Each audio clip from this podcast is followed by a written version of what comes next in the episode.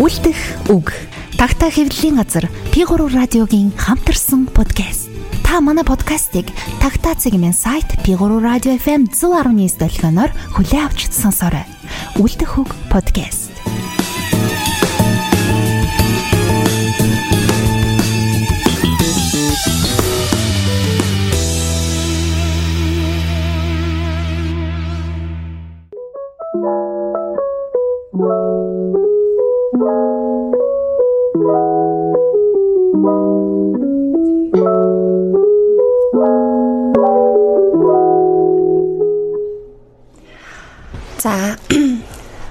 Бүгдэд энэ өдрийн мэндийг хүргэе.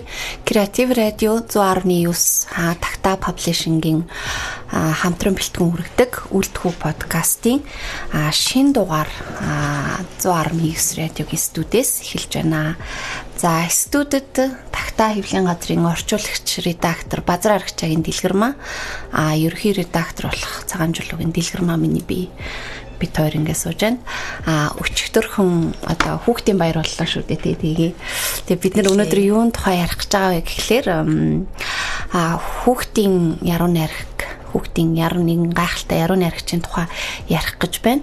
Энэ бол одоо саяхан манай хэвлэлийн газраас уншигчтай хүргээд удаагүй байгаа Мисүзу Канеко гэдэг Японы яруу найрагчийн цуура юм уу чи гээд ийм хөөрхөн шүлгийн ном Тэгээд бид энд нөгөө номын тухай гэхээс илүү хүүхдийн уран бүтээлч, хүүхдийн яруу найргийн тухай ярих гэж байгаамаа. Тэгээд энэ номыг бол англи хэлнээс Мисүзу Каникогийн шүлгүүдийг манай хэвлэлийн газрын үүсгэн байгуулагч, орчуулагч, яруу найрагч, зохиолч Батсуурын баясгалан дуу хөрүүлсэн байна. Тэгээд мөн одоо Монгол талын хамтран зохиогч буюу шүү хүүхдүүдэд зориулсан шүлгийн тайлбарыг нь манай дэги бичсэн багмаа. Тэгээд дэгигээс одоо Каникогийн тухай болон түүний шүлгүүдийн тухай одоо уншигч сонсогчдод ярьж өгөөч гэд ингээл эхэлчээ да. Тий тий сайн байцгаана уу та бүхэнд энэ өдрийн минь төрхий тагтаа авилын газрын орчуулагч редактор Бэдлгэр маань тэгээд бид нэр саяхан өнгөрсөн сард нь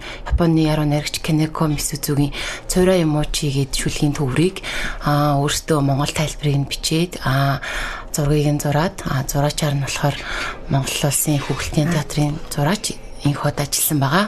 А ингээд нь Монгол хувилбарыг гаргаж ирж байгаа ингээд зурагт ном яруу найргийн төвөр гаргасан байгаа. Тэгээд номныхоо тухай ярихын өмнө яг миний бие болохоор шүлгийн орчуулган дээр нь баясгалыгч ажилласан. Би болохоор Монгол тайлбарын зохиолчор ажилласан. Энэ нь болохоор а яасан бэ гэхээр яруу найрагч маань өөрөө 3 онд төрөөд 1903 онд төрөөд 30 онд нас барсан. Ерөөхдөө 26 7-ын наслахтаа богинохон наслахтаа маш олон одоо шүлгийг бидэнд үлдээж тэр нь одоо бидэнд ингээ өв болж ирсэн нь хизээ хойно ингээд бас нэг өөр яруу найрагчийн нээлтээр ингэж гарч ирсэн байгаа. Тэгэхээр бид нөгөө хамгийн түрүүнд намтрыг судлаад тэгээд шүлгүүд дээр нь тайлбар бичгтээ тэр намтартай нь холбож тэрний ард ямар түүх өрнжсэн тухайн цаг хугацаанд яруу найрагч юу тулж исэн гэдгийг ялангуяа уншигч хүүхдүүдтэй зориулж ойлгомжтой болох үүднээс тайлбар бичээчээ гэж манай баясаагч санал тавьж тэгээ бичсэн байгаа. Тэгээд ерөөхдөө Канеко Мисүзүг бол дэлхийн хүүхдийн яруу найрагт тийм шинжилэл хийсэн яруу найрагч гэдэг тийм хэлээ. Яг тэр нь болохоор яг юугаараа вэ гэхээр одоо бид нэр бүгдээрээ ингээд сахаасаа ер нь уншсан байгаах яруу найрагч маань өөрөө тийм хүүхдийн нүдээр одоо хүүхдийн мэдрэмжээр шүлгүүдээ бичдэг. Тэгээд тэгтээ одоо том хүний зүгээс тийм дээрээс харж биш те хүүхдийг яг одоо өөрсдөө одоо энэ зэрэгцэж амьдарж байгаа тийм одоо хүүхдийн мэдрэмжийг басамжлаагүй гэх юм уу? Тийм яруу найрагч юм бэлээ өөрөө ингээ багасаа шүлэг зохиол бичээд том болоод тасын эцэслэлээ ингээ шүлэг зохиол бичсэн. Аа тэгээд маш тийм хүүхд нас нь одоо бас ой гашуу тий дайн дажинтай тэгж өнгөрсөн болохоор загасчны тосгонд төрж өссөн шүү дээ. Тийм үнний дуучаар наригч тийм ер нь бол тийм одоо синзаки гэдэг нөгөө загасчдын тосгонд төрж өссөн тэгээд тухайн үед нөгөө айлын дунд хохин аав нь болохоор дөнгөж юм 3 настай хахад нь хятад явж байгаад амир өгсөн гэдэг. Тийм болохоор нөгөө ээж нь одоо 3 жах хүүхэд өсгөх айгу хэцээсэн болохоор баг дүүгийн төрс ихч ажилчдаа ингээ өргүүлсэн тий. Тэр мөрнээс ахуулаад ингээ айгу хэцүү юм туулсан. А тэгээд Канеко Мисүзүгийн яг гол одоо шүлэг 10 нарих туртай болох нөгөө тэр гол одоо тулгуур нь гэх юм уу бүр багасаа тийм номын дэлгүүр ажилладаг гэсэн ээж нь тэгээд бас дунд сургуулаа төгсөөд тэр дараагийн тэр Шимоносеки гэдэг хотод очиж тэр бас юм бомб хот байсан юм бэл. Тэнд очиж нөгөө амьдрахтаа ч гэсэндээ а тэр нагаас хахын номын дэлгүүрт ажилладаг байсан. Тэр нь бол ингээд яруу найрагтай, уран зохиолтой ойрхон багт нь их нөлөөлж исэн гэх юм уу? Аа. Тийм, ер нь баг насн тэгээд дэлхийн 1 2 дугаар дайн, 1 дугаар дайн үтцсэн ТV ТV ярьчлаа хэлээ. Намтрын нэг үргэлжлүүлээ ярьчихо тий. Аа тийм товчхон бөгөөд тэгээд тийм тэгээд ингээд юмнууд юм. А ерөөхдөө тухайн үед чинь тийм одоо Япон оронд бол охтууд ингээд 6 дугаар ингээд төгсөөл одоо дахиж цаашаа ингээд сурдггүй байсан юм ихэнхтэй. Тэгэхэд нөгөө Канеко Мисүз бол ингээд 16 нас хүртлээр сураад боловсрал эзэмшээ тэгээд тэрнийхээ дараа нөгөө одоо нагаац их чинь өөд болоо тэгээ ээж нь тухайн үеийн одоо амьдралын нөхцөл шаардлагаар гэх юм уу одоо ихчийнхаа нөхөртөө дахиж гэрлэхээр тэр өөр хот руу явсан бэлээ. Одоо нөгөө баг хүүгээ өргүүлсэн айлда өөртөө очиж байгаа гэсэн үг шүү дээ тий. Тэнд тэгээд очиж номын дэлгүүрт нь ажиллаж байхдаа 20 гаруй 20 настай болсон байсан яруу найрагч маань. Аа тэндээс ахуулаад нөгөө Токиогийн бүх хүүхдийн нөгөө сэтгүүл рүү хүүхдийн зохиол бүтээл хэвлэлдэг сэтгүүл рүү шүлгүүдээ явуулж исэн юм билээ. Тэр явуулсан шүлэг болгоно нь одоо зөвшөөрөгдөж одоо сэтгүүлд хэвлэгдэжсэн. Тэгээд амьд ахуйдаа ерөөхдөө 50 шүлэг олонний хүртэл болгосон нь ингээд тухайн цаг үедээ өөрийг айгүй алтар хүндтэй болгож исэн. А түүнээс хойш харин ингээд гар бичмлээ одоо өвд болохоос өмнө бичиж үлдээсэн шүлгүүд нь гэх юм бол бүр 512 Тэр нь тэгээд одоо 26 онд өнгөрсөн хүн чинь дараа нь 2 дугаар дайн болоод тэр шүлгүүд ингээд э, дарагдаад үлдсэн байгаа шүү дээ. Тэгээ ерөөхдөө Япончууд Канеко Мисүзүнөө мартагдсан яруу наригч гэдгээр нь аягүй сайн мэддэг. Тэрийг бүр хизээ хойно 1960 онд аа нөгөө Сицуо гэдэг Японы залуу яруу найрагч ингээ сэтгүүл дээрээс юу асан гэсэн. Аа сонин дээрээс ингээ тасархаа олж уншсан гэсэн. Тэрэн дээр нь одоо яг энэ манай номонд орсон байгаа том ан гэж шүлэг гэдэг байхгүй юу. Тэр том ан гэж шүлэг нь болохоор нөгөө нэг ингээ загаснуудыг ингээ өрөвддөг одоо тэнгисийн загаснуудыг өрөвддөг тийм бүх юм ингээ өрөвдөж хайрладаг тийм шүлгүүдийнх нь нэг байсан чинь сэцүү ингээд за бүх юмыг ингэж хайрлаж өрөвдөж инэрдэг. Ийм одоо яруу найрагч Японд бэжээ тэгээд энэ хүмүүс хүний шүлэг бүтээлийг олъё гэд тэрний араас нь ингээ 16 жил явсан гэдэг. Тэгэж 16 жил явхдаа бүр 80 он гаргаад нөгөө төрсөн дүүтэй нь хайлт өргүүлсэн. Төрсөн дүүтэй нь ол дүүг нь олж уулзаад тэр үед ингээд дүү нь бүр 80 шахацсан тийм хөшөөн байжгаад бүх гар бичмлүүдийг гаргаж өгсөний дотор тэр олон шүлэг байсан нь аа цуурай юм уу чи тэгээд Канекогийн мартагдсан шүлгүүд гих зэрэг төвөр болж Япон оронд хэвлэгдээд аа за тэрнээс хойшоо бол маш олон орны хил төр хэвлэгдсэн нь дэлхийд дахинд алтартай болсон. Ерөөдөө намтран товчхондоо ийм тэгээ дараа нас дэлгэрүүлээд ярий. Тийм. Тийм. А Канеког одоо бид нар жишээ нь өмтгөлөө бичгтээ яасан шүү дээ. Юм бүхнийг хайрлахсан гэж нэр өгсөн тий. Канекогийн шүлгүүдийн одоо цаад санаа ч юм уу тийм Канекогийн бүтээлийн тэр үр үндэс нь дандаа хайрлж инэрсэн нинжин сэтгэл төр тий. Тэгээд бид нар том болохоор хүмүүс жишээ нь ингээд бидний тийм нинжин сэтгэл тий ягд ч юм багасдаг одоо нийгмийн амьдралд тутгалдаад бид нар өөрөө ирэхгүй багтай болдог дүртэй болдог тий бусадтай болгоомжтой харьцаж эхэлдэг бол хүүхэд ямар ч тийм урдч нөхцөл бодлогогүйгээр одоо зүрх сэтгэл нь нээлттэй хайр дүүрэн байдаг шүү дээ. Тэгэхээр Мисүзу Канико бол яг тэр хүүхдийн сэтгэлээ хадгалжүүлдээд а яг тэр югаараа шүлгүүдэд бичсэн нь магадгүй тэр өчнөө дайныг тулаад те 50 60 жилийн дараач эргээд хөгтгөд үн цэнтэй хിവэрэ байсан болов Тэгээд яагаад юм бүхнийг тэгж инэрч хайрлж өөрөө маш их зовлон тулсан мөртлөө тийм хിവэрэ үлдсэн бэ гэдэг бол бас гайхамшиг тий. Ингээд хувийн намтрын уншаад үзэхээр тэр бичсэн шүлгүүттэй ингээд харьцуулахад даанч эсрэг тийм одоо тий өөрийнх нь туулсан амьдраланд энийг баг хар бараан гэж болох байхад Каникогийн өөрөөс нь гарч байгаа бүтээлүүд нь тэрнийх нь бүр эсрэг гэрэл гэгээ дүүрэн инрэл нэмж дүүрэн тий илбэрл ухаарл дүүрэн тийм байгаа болохоор шүлгүүд нь одоо хүртэл маш их үн цэнтэй тийм байгаад байгаа Тэгээд бид нэр одоо энэ шүлгийг бол энэ яруу найрагчийг монголчууд заавал унших хэрэгтэй тийм ээ. А зөвхөн хүүхдүүд гэлтгүү томчууд бас уншаасай гэж хүссэн Тэгээд баясаа бас ярьжсэн энэ тухай нөгөө нэг Аяогагийн их сургуулийн нөгөө юунд штэ тий. Аяогийн зохиолчдын зохиолчдын хөтөлбөрт хамрагдаж байхдаа нэг одоо тэнд байсан уран бүтээлч найз наах энэ зохиолчийн тухай ярьсан юм байна лээ. Тэгээд баясаад бас маш их таалагдаад тэгээд бүр хэрэг болгож өнгөрсөн зун яг энэ шүлгүүдийг орчуулсан. Тэгээд бид нэр өнгөрсөн одоо энэ гараад нэг сар гар болж гин тий. Тийм сар гар болж болж хөвлөсөн. Тэгээд аа энэ шүлгүүдийг зүгээр л нэг хөвлөчихвөл бас болохгүй тийм ээ хүүхдүүдэд зориулж байгаа учраас тэгээ ийм хөөрхөн ингээд зургуудыг тэр аа манай хүүхэлдэйн театрын зураач инх хот гэж охин байдаг. Инх хот маань ингээд шүлэг болгонд зориулж ингэж маш гоё зурсан. За энэ тэгээд ямар ч байсан бүтээл гэдэг цогц байх хэвээр тийм ээ. Шүлгийн орчуулга байна, түүнд зориулсан гой зургууд байна. Дээр нь одоо хүүхдүүдэд бас арай хялбарчлаад гэх юм уу магтгүй хүүхдүүдийг татан оролцуулахын тулд тайлбар биччихээр хүүхдүүдтэй магтгүй ярилцж байгаа юм шиг бас тийм байдал үүсэх байх гэж бодсон. Тэгээ Канекогоос юу яах вэ хоёлаа? Шүлэг уншиж өгвөл бас гоё яах та тий. Нөгөө том манг уншаад өчгөө Дэг унших уу яаж энэ хаалаа авч би харин. За. Жага ханадтай уучлаарай. А том ан. Нар мандахад сүр жавхлан таяа мандахад ганцаг дүүрэн шүүгсээр манай загсчд ирлээ. Май загсыг тор тороор нь барьжээ. Ирэг дээр ол замгоо баяр болгоно. Инүүхэн далайн ёроолт гівч 10 түмэн ах дүүсээ үдэх аимшигт оршуулгын ёслол болж буй. Гэт одоо энэ шүлгийг ингээ харахаар ч гэсэн манайхны мэддгээр ихэнх шүлгүүд хүүхдэд зориулсан шүлгүүд хитрхи хөөхөн те. Хитрхи хөөхөн хитрхи аз жаргалтай. Ер нь ихэнхтэй тийм байдаг. А гэтэл одоо энэ шүлгийг уншихад жишээ нь ингээд аимшигт оршуулгын яслал болж буй гэл ингээд шууд хилчгсэн. Тэнгуут нэрээ юу блэ гэл хүн ингээд бодмоор те. Тэгэхээр хүүхд гэдэг бол би бас тэгж боддог байхгүй юу.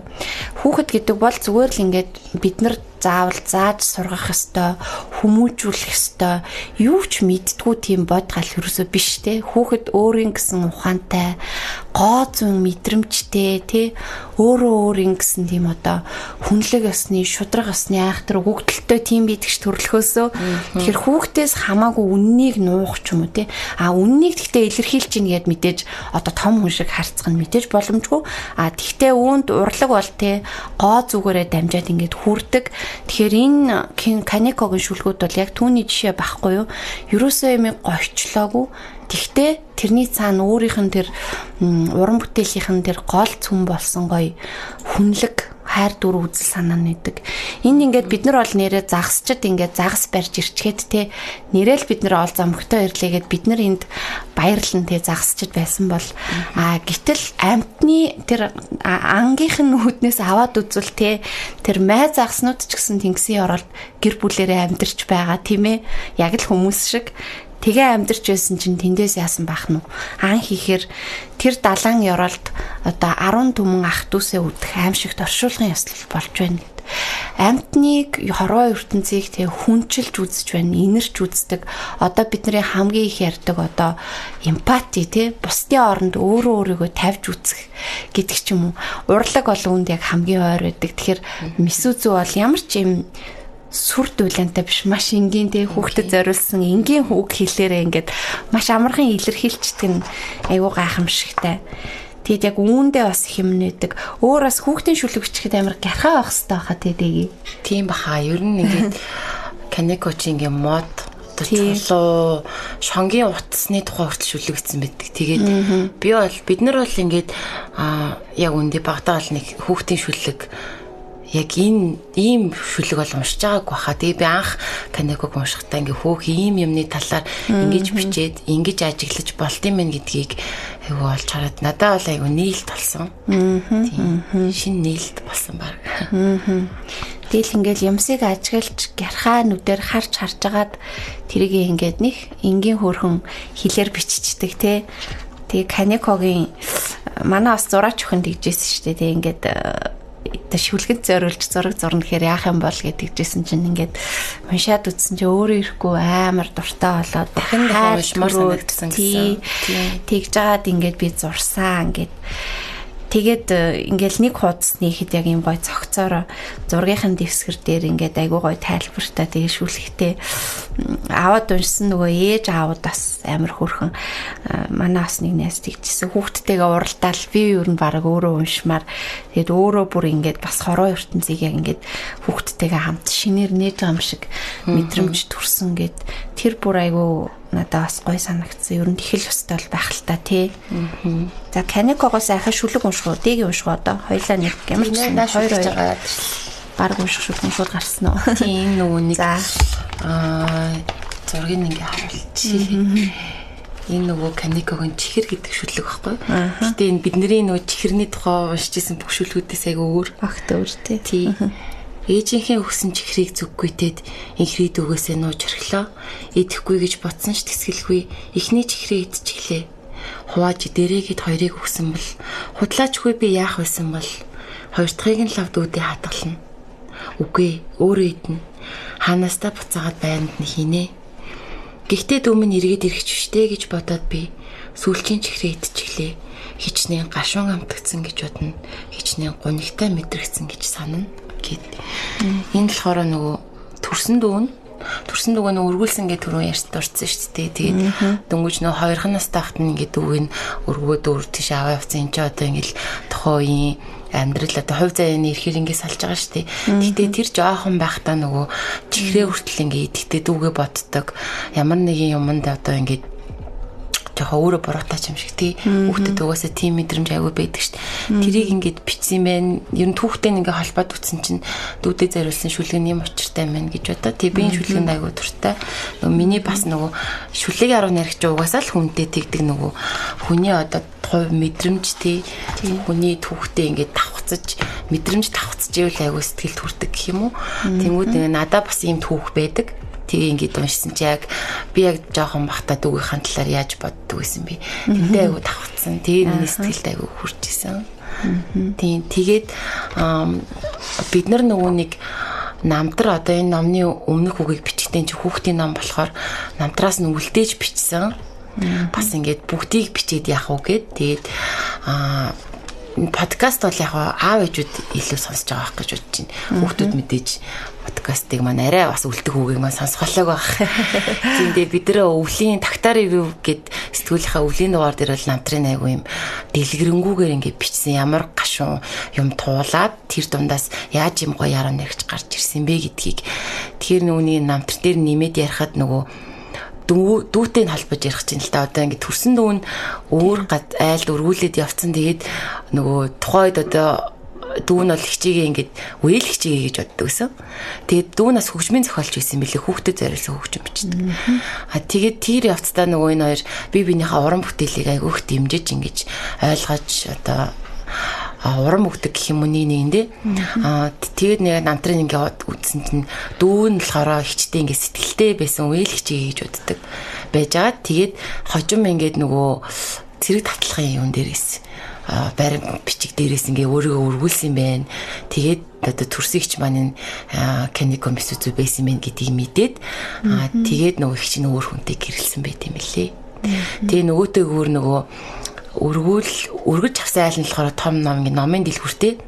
Тэрнийг нь одоо айлын ганц хүү болохоор одоо дүүн ингээ авч явах хэвээр гэтэл дүүн ингээд одоо хөгжмийн зохиолч болох хүсэлтэй байгааддаг. Тэгээд нөгөө их чин дүүгийнхаа хүсэл мөрөөдлийг ингээд биелүүлэхийн тулд ч гэх юм уу тэр номын дэлгүүрийн ажлаас суллахын тулд тухайн үеийн тийм одоо тохиролцооны гэрлэлт гэдэг юм уу тий тийм гэрэл тийм одоо гэрэл дээр ингээ хүнтэй суугаад тэгж өөр номын дэлгүүрээ авч яваад дүүгээ Токио руу явж нөгөө сургаж исэн бэлээ. Тийм түүхтэй. Тэгээ ер нь намтрын уншихад өстой өөр өвдөн байсан тийм ээ. Тийм. Аа өөрөө багасаа тийм хүнд хүчрэм тулаад тэгээ том болоод хүнтэй гэрэлсэн чинь гэрлэлт нь бас маш хэцүү те. Маш химиг давмдалс одоо эфирээр ярихад бас бүр эмзэглэм хэцүү тийм ээ. Аа ханилд суусан хүн маш хэцүү хүн байсан байсан. Тэгээд одоо одоо учирсан хайр дурлал нь магадгүй те одоо ингээд андуургдсан те дүүн ингэж андуурсан ч гэдэг юм уу. Яг хувийн амьдралын хүнийг бодоод үзвэл энэ хүн тийм жаргалтай сайхан амьдраагүй ах жишээтэй те. Тэрнийг охинтой те фусай гэдэг охинтой гэдэг охинтой. Тэгээд амьдралаас буцсан ч гэсэн яг үндэ маш гонигтай түүхтэй.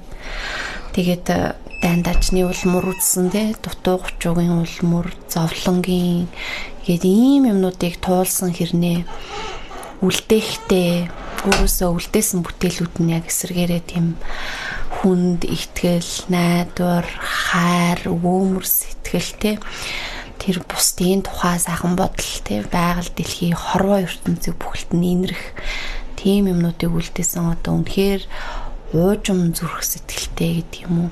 Зовлонд хэдий нөгөө өөрөө нугарсан магадгүй амьдралаа дуусгасан ч гэсэн үдэл санаагаараач гэдэг юм уу? Энэ хүн бол одоо магадгүй ялагдаагүй ах тийм ч учраас ийм шүлгүүд бичээд энэ нь одоо өнөө хүртэл уншигдаад олон оронд орчуулагдаад манай хэлэнд хүртэл ингээд маш сайхан буугаад уншигчдад хүрч байгаа Тэгээд энд бас тэр Мисүсү Канеко гэдэг хүний өөрийнх нь яг тэр бүтээлийн үнцэн бүтээж туурсных нь одоо үр дүн гэдэг юм уу те уршиж байгаа байх л та. Тэгээд хамгийн гайхамшигтай юм нь надад бас тийг шүү дээ. Дайны уул мөрийн ард ингээд юун дайн угаасаа шүлэг зохиол мохиол тэр дайны үед чинь те. Тийм болохоор одоо Каникогийн хамаг бүтээл тойрол ингээд дарагдаад үлдсэн. Одоо тэр дайны үеийн нөхцөл байдал ямар ч байсан мэдээж маш хэцүү байгаа шүү дээ. Аа тэгэхэд бас тэр 1966 онд хин блэ тэр Японы яруу найрагч залуу аах ингэж олж нээчээ араас нь ууггүй хөөцөлтнө гэдэг бол энэ хүн бас айгүй гайхамшигтэй тий ийм нэг бүтээлчийг олцоод тэр чигээр нь одоо ингээд өөрөө уншаад ч юм уу өнгөрөхийг хүсээгүй ахин нээж өгснөөрөө бол бас энэ хүн энэ түүний шүлгүүдийн өмнө бас маш их гавьяатай байх л та.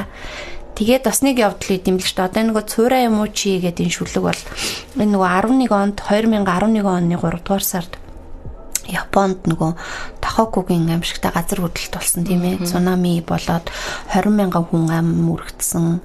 А Япончууд тэр чигээрээ уу гашуу давтаж имгэнж байсан. Тэгэд энэ үед юу яасан юм бэлээ? Одоо Японы нөгөө радиогийн өргөн радио юу телевиз нэвтрүүлгийн өргөн суугаад тий. одоо нөгөө тэр цунамигийн ард ажиллаж исэн сайн дурынханд болон ер нь нийт японочдаа урам зориг өгөхийн тулд яасан бэ гэхээр яг энэ Мисүзу Каникогийн цуурай муучи гэж шүлгийг бүр ингээд давтан давтан нэвтрүүлсэн тийм ээ. Тэгээ цуурай юм уу чи гэдэг энэ шүлгийг давтан нэвтрүүлэхэд энэ шүлгийг сонссон тэр хүмүүс те одоо ихтгэл найдвараа олж энэ цунамигийн айхтар гам шиг уу гашууг бол даван тулсан гэдэг ийм гоё түүхтэй. Тэгэд энэ цуурай юм уу чи гэж шүлгийг бас уншия л та. Цуурай юм уу чи хоёулаа тоглоё гэж хэлэхэд минь чи хоёулаа тоглоё гэж хэлнэ Тэнэг гэж хашгирахад минь дагаад л чи тэнэг гэж хэдэрлэн. Чамтай тоглохоо боллоо гэвэл чамтай тоглохоо боллоо гин удаж төдөлгүй ганцаардсан намайг уучлаарай гэхэд анайл өдөөс уучлаарай гин. Цуурай юм уу чи?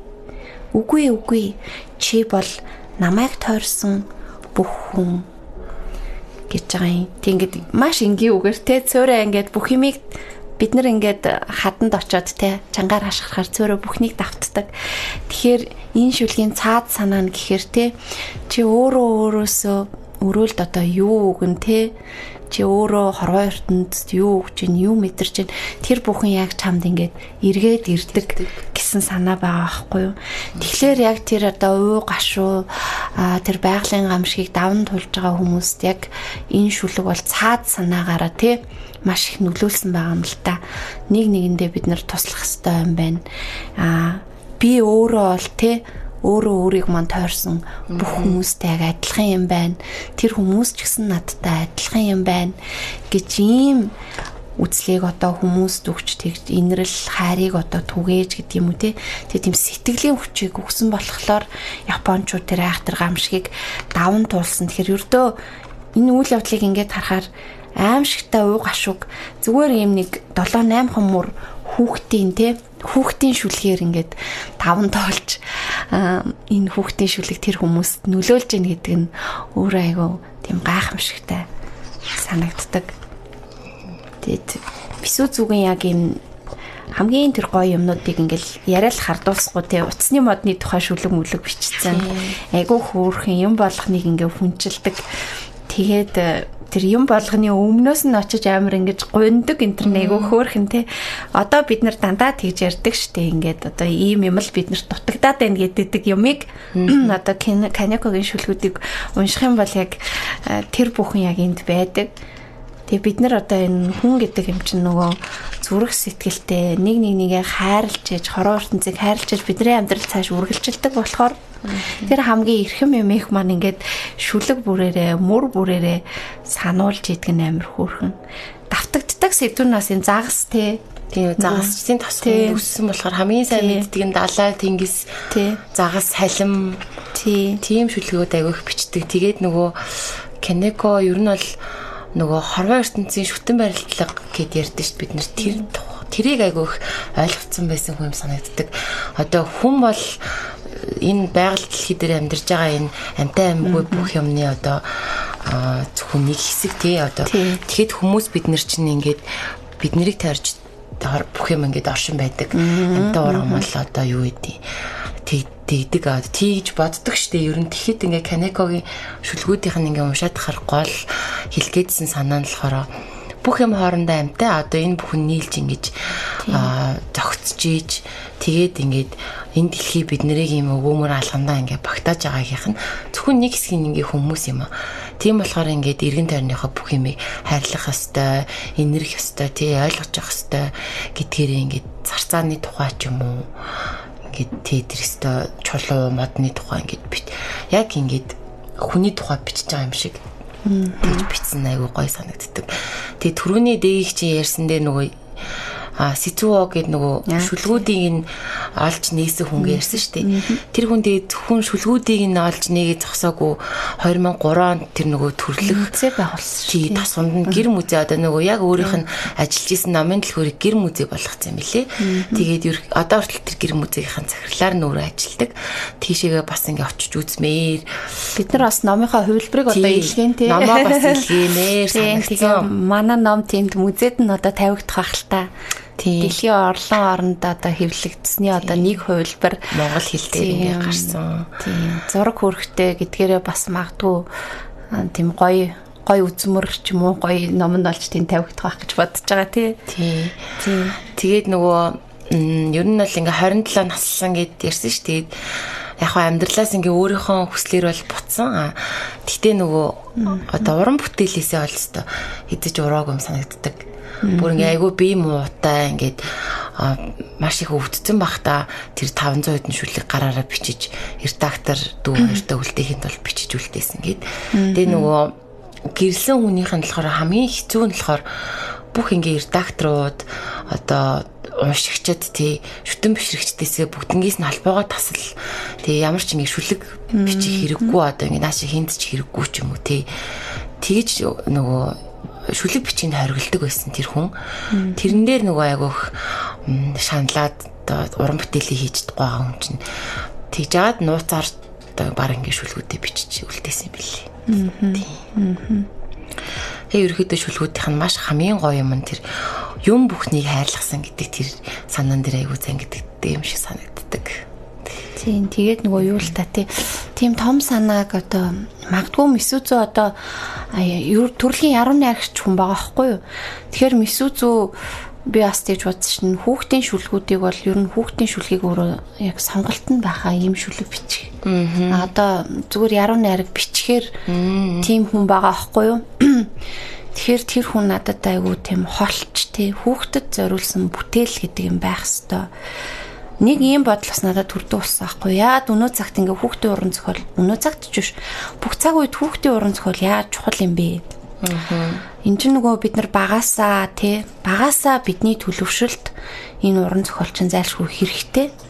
Одоо яг өнөөдөр өчтөрхөн хүүхдээ ирэхийг хамгаалах өдөр боллоо. Баяр хөөртэй тэр мэдээ одоо юу гэдэг юудаа давхцаад сэтгэл хэмзэглүүлмээр мэдээнүүд анаал гарч байна. Би өглөөх нь л бас фэйсбુક ороод тэр нэг 108-аас авсан мэдээнүүдийг уншаал амар шимшрээл а эрхийн өдрөөр нь одоо яа тийм тийм ээж аауд зарим нэг ээж аудад ингээд одоо далимдуулан уухч гэдэг юм уу те айгу амар манай нийгэмд байж л байдаг тэр л нөгөө аимшигтай жишээнүүд бас яг байна лээ. Тэгээ дандаа тэгж боддог аахгүй бид нар жоохон бахасаа өгн бид сайн төлөвшчгүүлтэй хүүхэд нэг бүр бусдыг инэрдэг сэтгэлтэй бусдыг ойлгодог ухаантай тий хүүхэд нэг бүр тийм болоод өсдөгсөн бол ирээдүйн хүчрхийлэгчд төрөхгүй те. Ирээдүйн хүчрхийлэгчд бий болохоор тэр хүчрхийллийн хамгийн анхдагч золиос юу хүүхэд идэг штэ тий гэр бүлийн орчинд нийгмийн хүрээнд ч тэр. Тэгэхээр яг одоо ирээдүйд хүчрхийлэгчд бий болохгүй хамгийн тэр гол үндэс суурь гэр бүлийн хүмүүжил төлөвшөл дээр нэмэх нь уран зохиол урлагаар олгодог тэр хүний төлөвшөлт нөлөөлдөг тэр зүйл маш үнцэнтэй. Тийм болохоор хүүхдийн уран зохиолууд улам олон болоосай тий хүүхдийн бүтээлүүд аав ээжүүд хүүхдтэй дандаа ном уншуулж байгаасай хүүхдээ театрт аваад очдог байгаасаа тий хүүхдийн гой гой дуунууд шинээр төрөөсэй тэгхийн бол ирээдүй одоо магтгүй арай илүү гэрэл хийгээтэй байх боломж тэрийг дагаад нэмэгдэнэ гэж боддог. Тэгэхээр Канекогийн бүтээлийн цаана яг өөрөө багасаа тийм хүн төчрийг тулсны юм дээр ч магтгүй илүү яг тэр хайрын хайрынхаа аюугаар одоо тий хүүхдэд зориулж лим хий гэж бүр сонгосон байж бас магадгүй тий. Одоо магадгүй Японы одоо утга цогцол судлаачд энэ төр судалдаг л байлгүй хараахан данж би бол жишээ нь одоо тэр талаар нь уншиж мэдсэн юм алга. Гэхдээ шүлэг хүртэл нэг битсэн байдаг шүү дээ тий. Нэг зөвхөн хүүхдийн шүлгэл бичээд хар хүн биш гэдг нэг харагддаг тий. Тэгээд би энэ хүн бол яруу найрагч юм байна. Ерөнхийдөө тий маш өргөн агуулгаар тий харсан учраас зориулж хүүхдэд зориулж өрнө бүтээл бичсэн байх магадтай юм да гэж утсан. Бас хоёр талаар шүлгүүдийн уншихаар тийм хүүхдэд л зориулаад гэдэг юм амар гинэн тийм байдлаар биш. Одоо саяын дэгийн ярьдаг шиг тэр хорвоо ертөнц бол тий гайхамшигтай энэ өргөн уудам донд хүн ганцаараа байдаггүй те. Бид нэр уул ус ургамал амтан байгаль ертөнцтэйгөө захиралтан амьдрах ёстой байгалийн нэг бүтээл ч юм уу те. А бид нэр байгалыг бусад амьтдыг ч гэсэн өөрсдөө жишээлчлэн үзэж хайрлах ёстой ч юм уу. Ийм өргөн агуулгуудыг дандаа ард нь шингээсэн байдаг нь өөрөө айгүй гайхалтай Тэгээд одоо зүгээ ба бурхан гэдэг нэг шүлгэлэхэд жишээ нь баг том хүн уншихад одоо нөгөө Японы одоо тий нөгөө зингийн ойлголтч багтцсан юм шиг те. Тэгээд дорныхны бас нэг тийм юу байдаг. Энэ бол хороо ертөнцийн шүтэн байрладлагыг маш тийм цөөхөн үгээр маш гоё илэрхийлч гэсэн ийм шүлэг жишээ байдаг байхгүй юу? Зүгээ ба бурхан. Зүгийн цэцгийн цомрлог дотор цэцэг нь цэцэрлэг дотор цэцэрлэг нь хашаан дотор хашаа нь хот дотор хот нь Япон дотор Япон нь дэлхий дотор. Тэгээд тэгээд бас бурхан нь тэр бяцхан зүгийн дотор. Гэд ердөөл нэг 8 мөршүүлэг те. Тэнгуй тэн дээр ингээд хорвоо ертөнцийн бүх юм хоорондоо шүтэн барилдаж оршдог те одоо энэ манай дэгийн бичсэн тайлбар байна л та. Хэсэг нь бүхэл дотор агуулгаддаг шиг бүхэл нь хэсэг дотроо агуулгадана. Бяцхан зүгийн доторч бурхан би бас чиний доторч би гэд ингээ хүүхдүүдэд энэ шүлгийг а тайлбарлаад өгчхөөр ярилцаж байгаа юм шиг ингээд тайлбарлаад өгчхөөр хүүхдүүд энийг ингээд ойлгохгүй гэхин зовлон байхгүй. Бас нөгөө нэг дээгээ тэн дээр юу гэж боддөг вэ нөгөө хоёлаас ярилцлага ахихаа ихэнд ярьсан шүү хүүхдүүдийг бид нар юм л бол ингээл нэг юм ойлгохгүй юм шиг сургах гээл яадаг гэдэг шиг каникогийн шүлгүүдийг ч гэсэн хүүхдүүд уншичаад ойлгохгүй гэсэн тийм юм бол байхгүй тий. Аа. Яг нь нэмэлтээр нөгөө ингээд түүхтэй нь холбоод өгчөж байгаа болохоос энийг ойлгохгүй болохоор ийм тайлбар бичиж идэ гэж бичээгүү. Тэгээд нөх хэдүүлээ нээлт хийсэн штеп. Бид нар нөө Majestic-ийн номынхаа нээлтийг хийхэд хүүхдүүдтэй хамт хийстэй. Яг энэ шүлгийг бүгдэнд нь уншуулад тэгээд зураг зурулаад тэгсэн чинь бүр айгүй гой гой зургууд гарч ирж айгүй гой гой санаанууд гарч ирсэн. Яг өмнөөсөө айгүй баярлж хүлээж авч исэн. Тэгээд дэгийг чинь саяны ярьсан асуулт дээр ингээд асуултаас ингээ ургуулаа бодохоор нөгөө яг энэ Канекогийн намтрыг уншижсэн чинь тэртээ бүр тэр 1920 онд Япончууд одоо хүүхдэд зориулж шүлэг бичдэг хүмүүсийг ингээд айгүй хүндэлдэг байсан гэх юм одоо ерөөсөө тийм за хүүхдийн мэдийг юм чинь гэдэг нэг тийм эрэмб дараа ерөөсөө байгаагүй гэд тийм яг өгүүлбэр байсан аахгүй. Тэгээд бодонгууд аа би одоо бас ингээд аа хүүхдийн намын салбарт бас ингээд бас хэдэн жил явж үзээд хүүхдэд зориулж юм хийгээ үзэхэд ингээд харахад бид нэр өнөөдөр ингээд 2023 онд энд ингээд амьдарч байгаа шүү дээ. Тэгэхэд бид нэр одоо болтол ингээд нэг хүүхдийн юм гэхээр жоохон хоёрдугаар тавьдаг гэх юм уу. Одоо хүүхдийн номны нээлт гэхээр амир цөөхөн хэрдэг ч юм уу. А за нэг юм зургтай ном байна ч юм уу. Тэгсэн мөртлөөсөө бид нэр хүүхдүүдтэй дандаа ном уншуулах гэдэг тий. Ямар ном уншуулах уу гэж өгөн айгүйх асуудаг одоо ирж хайдаг болсон бэлээ. А тэгтэл ямар ч байсан а ягаад ч юм хоёр дугаарт орчдөг гэдгийг бол би ганцаараа хэллээгүй юу бүгд хүлийн зөвшөөрөх л ах. Тэгэхээр нөгөө хүүхдийн зурагт ном тэгээд хүүхдийн номны яг ач холбогдол нь юу юм бэ гэдгийг одоо өөртөө хийж байгаа хүмүүсийн хувьд яг энэ салбарт ажиллаж байгаа хүмүүс нь өөрсдөө айгу таниулж энэ ингээ ийм учиртай юм шүү. Бид нэр хүүхдтэй л анхаарахгүй бол хүүхдүүд маань одоо хэдхэн жилийн дараа яг бид нартэй адилхан нас бий түрээд энэ улсын орныг ингээд нуран дээрээ авч явах болохоор одоо багаас нь тэнд ингээд одоо сэтгэл зүрхний боловсрал гэдэг юм уу тий? Тийм ялгаатай байдлыг ойлгодог ч юм уу нэг нэг хүндэлж харилдаг тийм юмд нь сургачих юм бол сургах гэж ярих бас буруу юм байна. Ер нь ойлголцоод ярилцдаг болчих юм бол одоо мэдээж бага л үйл ойлголцол гарч бага л одоо завх хөл үүдээ тий бүгдээрээ тийм тийм талаас нь ингээ ярих юм бол айгүй их юм байгаа тийм Лех жүрний хүүхдийн номны тал дээр юу гэж бодож байна? Би ч одоо нөгөө баавгаагаа бичснээсээ хойш энэ тийм хүүхдийн номын тухай их ярьсан. Номын тухай ч яхав зүгээр өөрөө хүүхэд болоод хүүхдийн бүтээлийг юу гэж ойлгодог тухайга аюух ярьдаг. Ярьсан. Ярьдаг гинэ. Ярьдаг. Тийм нөгөө нэг тийм бид нар ч арай яг тэгдэг штэ. Хүүхэд тэгэхээр хоёрт тавьдаг. Хүүхдийн өөрийнх нь сонголтыг үйлээ хошоодог. Нөгөө номын баяраар жишээ номын худалдаан дээр ингээд зогсож хахаар ээж аавудаас жоохон анзаарагддаг юм нь өөртөө таалагддаг номоо хүүхдэд санал болгох гээд идэх ч юм уу эсвэл өөрийнхөө уншиж өссөн нөгөө одоо тийм эсвэл тийм одоо нөгөө одоогийн хүүхдүүдийнхаа сэтгэл зүг аягүй сайн ойлгох хэрэгтэй а бас мэдээж хүүхдэд туслах хэрэгтэй тий одоо жишээ нь хүүхдийн одоо зурагт ном ч юм уу танин мэдхүүн номыг бол хүүхдүүд баг За зурагт номыг бол хүүхэд шууд мэдрэмжээрээ сонгох чинь а уран зохиол дээр тулаад ирвэл яг бас арай өөр. Түүнд бол эцэг эхийн сонголт бий бол зайлшгүй хэрэгтэй гэж боддог. Яагаад гэвэл хүүхэд номыг одоо эн чинь уран зохиол шүү дээ ч юм уу те. А энэ зурагт ном гэж ялгаж мэдэхгүй. А зурагт номыг бол хүүхэд өөрөө хараад таалагдах юм бол тэгэл сонгоч нь а уран зохиолыг бол хүүхэд шууд одоо тий шууд газар дээр нь уншаа сонгох боломжгүй учраас хүүхдийн уран зохиолыг бол одоо ээж аавд бас өөрсдөө мэддэг байх хэрэгтэй л дээ.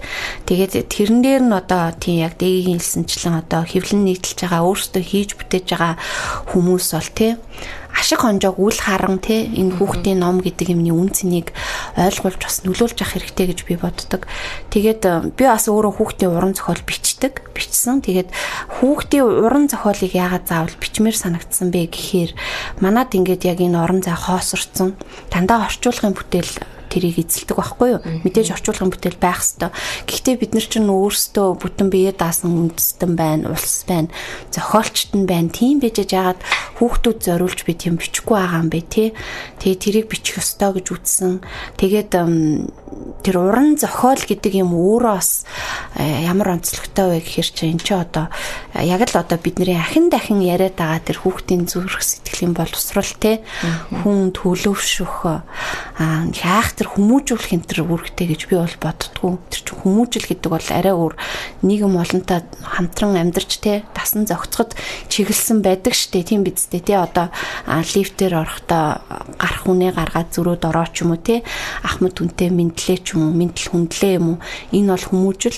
А гэхдээ яг үнэндээ тэрийг маш амархан суулгахад нөлөөлөх юмнууд те. Одоо хүний сайн сайхан гэдэг бүх юмыг бий болгоход нөлөөлдөг юм чинь л ерөөсөө л уран зохиол урлаг байхгүй тийм ээ өөрийн мэдлгүй хүн тэрийг хэрэгжилж байгаа цагт хүн өөрийн ирэхгүй одоо бус бусдыг ойлгох тийм үзэл хүнд суудаг тэрийг уран зохиол төлөвшүүлж өгдөг л дөө.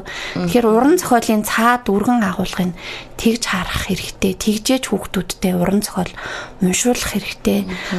Аа тэгж гэмээр тэрэнд нь настай хүүхдүүдэд унших уран зохиол нь яг энэ байж ах хэрэгтэй дэлгүүрт очиод авахд те.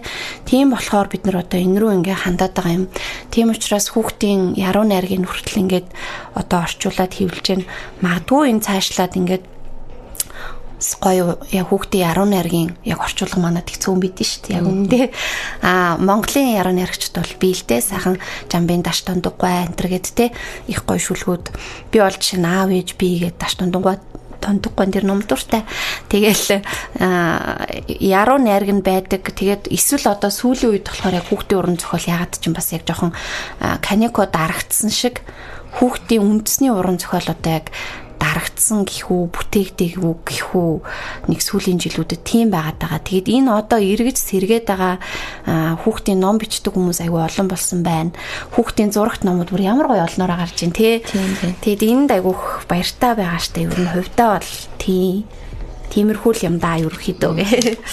Бид хэд чинь 50-аас дуусах хөлөө. Одоо нэг 10 минутын тий. За канико дээр өөр ч хоёлаа юу ярих вүлээ. Одоо тэгээд энэ зургууд нь бүр өстэй үнэхээр хөөрхөн тий. Тэгээд нөгөө бүр ингээд угааж аваад ханда хевлэж аваад харна манда өлгчмөр юм гой зургууд. Би тэд бас офисоо гоё энэ зургуудаар нь гоё чимэн гээл яриад байгаа. Тийм манай Көлтэй театрын зураач инх бод маань шүлгүүдээ айгүй гоё мэдэрчрээ тийм хөөрхөн бүгдийг зориулж маш гоё зурсан байлээ. Тийм хөөрхөн. Тэгэхээр тийм гоё зурагтай юм болсон. Тийм. Тэгээ энэ маань нэг 26 7 шүлэг орсон тий. Тэгээд тэр хэрээрээ 26 7 тайлбар тэгэл 26 7 сэдвт зураг гэсэн үг л те. Тэгээд ийм хөөрхөн болсон. Тэгээд уншигчдаа саяхан хүрч гисэн болохоор одоо сэтгэлдлүүд харах их хэрэг байгаа гэхдээ явандаа ирэх баха тий. Ер нь бол томчууд амар ирж баг энд чи хорхоосож ягаад тах шиг байсан шүү дээ. Тэ уран зохиолын уншигч тэр хүүхдүүдээс илүү томчуудаас өөрсдөө тийм байгаад гисэн шүү. Манай такта паблишинг ер нь сүүлийн үед ингээ зурагт номнууд хийдэг боллоо. Тийм. Аа энэ бол маш чухал юм байна. Тийм. Тийм. Аа за. Аха. За хоол ярьж ярьж. Аа за арай болоогүй тий. Энэ дуусах төгсөн чи эрт суларч малраа. харин тийм хүүхдийн ном тэр дундаа энэ яруу найраг гэдэг юмыг хүүхдэд ойлгуулъя тий. Одоо чи хамаг огт ээж ингээ сайхан юм байгаа шүү дээ. Тий. Тэр үднээс одоо манай баясгалагч энэ шүлхийг шүлгийн төврийг нөгөө айвуугийн их сургуульд зохиолчдын хөтөлбөр сурж хахад 50-ны яруу найрагчлаа. Тэгсэн гэсэн. Дандаа ингэж нөгөө ээлж ээлжээрээ ингэж ихтгэл тавьдаг. Тэрэн дээр ингээ бид нэр бид юу унших хэрэгтэй вэ гэд ихтгэл дээр энэ Канеко бисүү зүгийн тухай яриад тэг тэндээс анх олж мэдээж шүлгүүдийг олж авч орчуулж исэн юм билэ. Тэгээд ерөөхдөө бүр намтрын ингээ задлаад ярих гэхээр бас хитрхи айгу тийм Тийм жоохон дарк. тийм гонигтай одоо шүлгүүдээсээ бас жаахан нэг юм Тэгээд уран бүтээлч хүний айгу тийм гоё юм гэдэг яг энэ л дээ. Аа. Магадгүй зовсон хүнээс л зовсон юм гарах ёсгүй шүү дээ тий. Тэр Канеко маш ухаалаг маш ухаалаг хайр дүүрэн хүнэл гэдэг нь л хамгийн их харагдаад идэг. Би лав нөгөө анх баясаа орчуулчаа шүлгүүдийн явуулаад уншаал ясан чинь нэг амар гоё тийм юм цэнгэг тунгалаг мэдрэмж төрчихсөн надад. Нэг хүн цангаж явж байгаа л нэг амар гоё хүүтэн булгийн ус зэлгэлвэл ямар бах вэ те. Хүн бүр нэг амар бөхчм битүү орчинд байж байгаа цэв цэвэрхэн гоё тунгалаг салхинд гараад агаар амьсгал бол ямар байх вэ? Яг тийм мэдрэмжтэй зүрлэмээр юм уу? Эсвэл нэг гоё хаврын өглөө ингээд эртээ өөрөөр ингээд шууднууд жиргэлдэж байгаатай зүрлж болмоор ч юм уу. Тийм одоо хүнд тийм яруу тунгалаг нэг тийм цэвэр сэргэг тийм гоё мэдрэмж төрүүлээд тэгэд Каникогийн шүлгүүдийг уншихаар хүний сэтгэл тэгж гоё шиндэх тий дотроосоо ингээ гоё шинэтгэх тийм шиттэй гэж надад санагддаг. Тэгэд цаг байгаа юм чинь нэг шүлэг уншчих уу? Аа хэвээ яа шүлэг уншчих. Дээг унших уу нэг? Та унш. Нэг гэсэнтэй би бүр шүлэг уншаа. Давлгаа энэ нөгөө айгу гоё дүрслэлтэй шүлэг те. Давлгаа гэмээн гараа хөтлөлцөн цангин тлын нээлтсээр гүйлдэн ирж буй хүүхдүүд юм. Давлгаа гэмээн эргийн элснээ бичсэн үгсийг нэг нэгээр нь илүүрдэн арилгагч баллуур юм давлгаа гимэн өргөн тэнгисийн хаяанаас хүйтэн зевсгээр шүршсээр өөдөөс довтлогон айсви цэрэг ирсэн юм. Давлгаа гимэн хөөхөн хөөхөн хясаада хөглрүүлж хайчхаад хөөрч дэгдээд явчихдаг мартам хаим гэл тэгэнгუთ энэ ингээд дүрслэлээсээ гадна нэг давлгааг те ирэг дээр байж байгаа л тэр их далайн давлгааг хідэн янзаар харж байгаа юм тий. Нэг харахад гараа хөтөлцөөд ингээд цангин тлын нийлдээр гүйлдээд ирж байгаа хүүхдүүд ч юм шиг. Нэг харахаар эргийн элсэн дээр ингээд бичсэн үгсийг ингээд давлгаа хүний мөрийг ингээ баллуурд нь шүү. Баллууртаа зүрлцсэн. Ахаад нэг харсан чинь тэр ингээд хүүтэн зевсгээр шүршсээр өөдөөс довтлон асууц хэрэг ирсэн юм хэрэг энэ хүн бас тэр дайны уул мөрийг мэддэг те. Дайны дундуур гараад үтсэн хүн учраас одоо те тэр усаар ингээд хүүтэн зевсгээр шүршсээр довтлогж байгаа зэрэг өстэй зүрлчихсэн те. Тэгээд дараад нь болсон чинь ингээд нөгөө эргийнх эрг рүүгээ хамаг хясаагаа ингээд төрж эрг дээр хөглөрүүлж хайчаа тэрийг ингээд мартаад явчихдаг. Мартамхаа юм гэд. Энд яг тэр хүүхэд хүүхэд шиг ингээд хөнгөн сэтгэж чадаж байгаа тэр сэтгэлгээнийх нь юу энэ шүлгэн дээр айгу тод харагдаж байгаа байхгүй тий. Янз бүрээр хүүхдүүд бас яг л юм бид штэ. Юмэг ингээд шал өөрөөр хардаг. Олон янзаар ингээд сэтгэдэг, ургуулan боддог тий. Тэгээд гярхаа байдаг. Томчуудаас юм өөр нүдээр юм хумыг хардаг. Тэгэд ингээд яг шүлгүүд дээр нь ингээд зүгээр уншаад өнгөрөх шинийг ард нь нэрээ ингээд юу гэсэн бол гэхэл ингээ бодоод үзвэл яг ийм юм юмнууд байдаг. Тэгэд энэ дээр нь яг ээж аав бас хүүхдтэйгээ хамт уншаад те энэ хүн яагаад ингэж битсэн бол чи юу гэж бодож байна ч юм уу ингээ харилцан ярилцвал их хөөрхөн болов гэж би бодоод байгаа. Бид нар нөгөө хүүхдүүд хүүхдтэй ярилцаж ярилцах учраа алтгүй нөгөө одоо өхлийн сэдв ч юм уу тий. Тэдрийг одоо ингээд номоор дамжуулаад ярилцчих юм бол айгүй тийм ээж аавд гэсэн айгүй амар ойлголцтой айгүй амар санагддаг. Тэгээд хүүхдийн ном хийхээр тэр бол ерөөсө хүүхдэд зориулсан биш яг ээж аавуудад хүүхдүүдэд бүгдэнд нь зориулсан ном байдаг гэдгийг нийтээрээ гоё ойлгож иж хүүхдийн ном яагаад хэрэгтэй юм бэ тий? Би хүүхдтэйгээ ингэж ярилцах хэрэгтэй юм ч юм уу тоглоом байлаа гэхэд угаасаа хүүхд өөрөө тоглолт чинь ер нь хэлхийхтэй. А номыг бол ялангуяа бага насны одоо дөнгөж уншиж сурж байгаа ч юм уу уншиж чадахгүй байгаа хүүхдүүдэд ингэж ээж аав нь уншиж өгч ярилцахаас өөр тийм арга байхгүй тий. Тэнгүүд бид нэр аа за би эдгээр юм хөөрхөн ном ингээ гаргачлаа. Энэ юм яруу наригч юмаа гэж өнгөцгөн яриад өнгөрөхөөс илүүтэй одоо яагаад энийг гаргаваа хүүхдтэйгээ та ингэж ярилцаарай ч юм уу. Тэр талаас нь айгүй хэлж өгвөл хэрэгтэй юм шиг санагдсан. Тийм номон дээр бас тий дайн дааж байгаа одоо хөл хагцал одоо бүхэл юм байдаг тий. гайхах юм гээд бас айгүй хөөрхөлгөд ш нөгөө хүүхэд чинь ингээд баг байхад баг байхад бид нэр юмны учрыг олоогүй. Байжгаад ямар нэг юмны ингээд хүүхэд насыг дандаа юм амир гэгээлэг гоё идэх гэж бид нар ярьдаг ч гэсэн. Яг одоо ингээ эргээ бодонгууд учрыг олоогүй байж байгаа буруу хатан болчдөг ингээд нэг хэрэг тарьчдаг ч юм уу юм айгүйх байдаг. Тэрэн дээр одоо тэр болгоо ээж аав нар ингээд ийм учраас ингэсэн юм шүү гэж гэдэг тайлбар би ч гэсэн одоо заримдаа ингээд тайлбарлаж амждаг байхгүй юу хүүхдтэй. Тэр мөрөн дээр ингээд хүмүүсээс яагаад гээ асуухаар угаасаа л юм байдаг гэж хариулдаг. Тий. Угаасаа юм байдаг гэдэг юм бол байхгүй.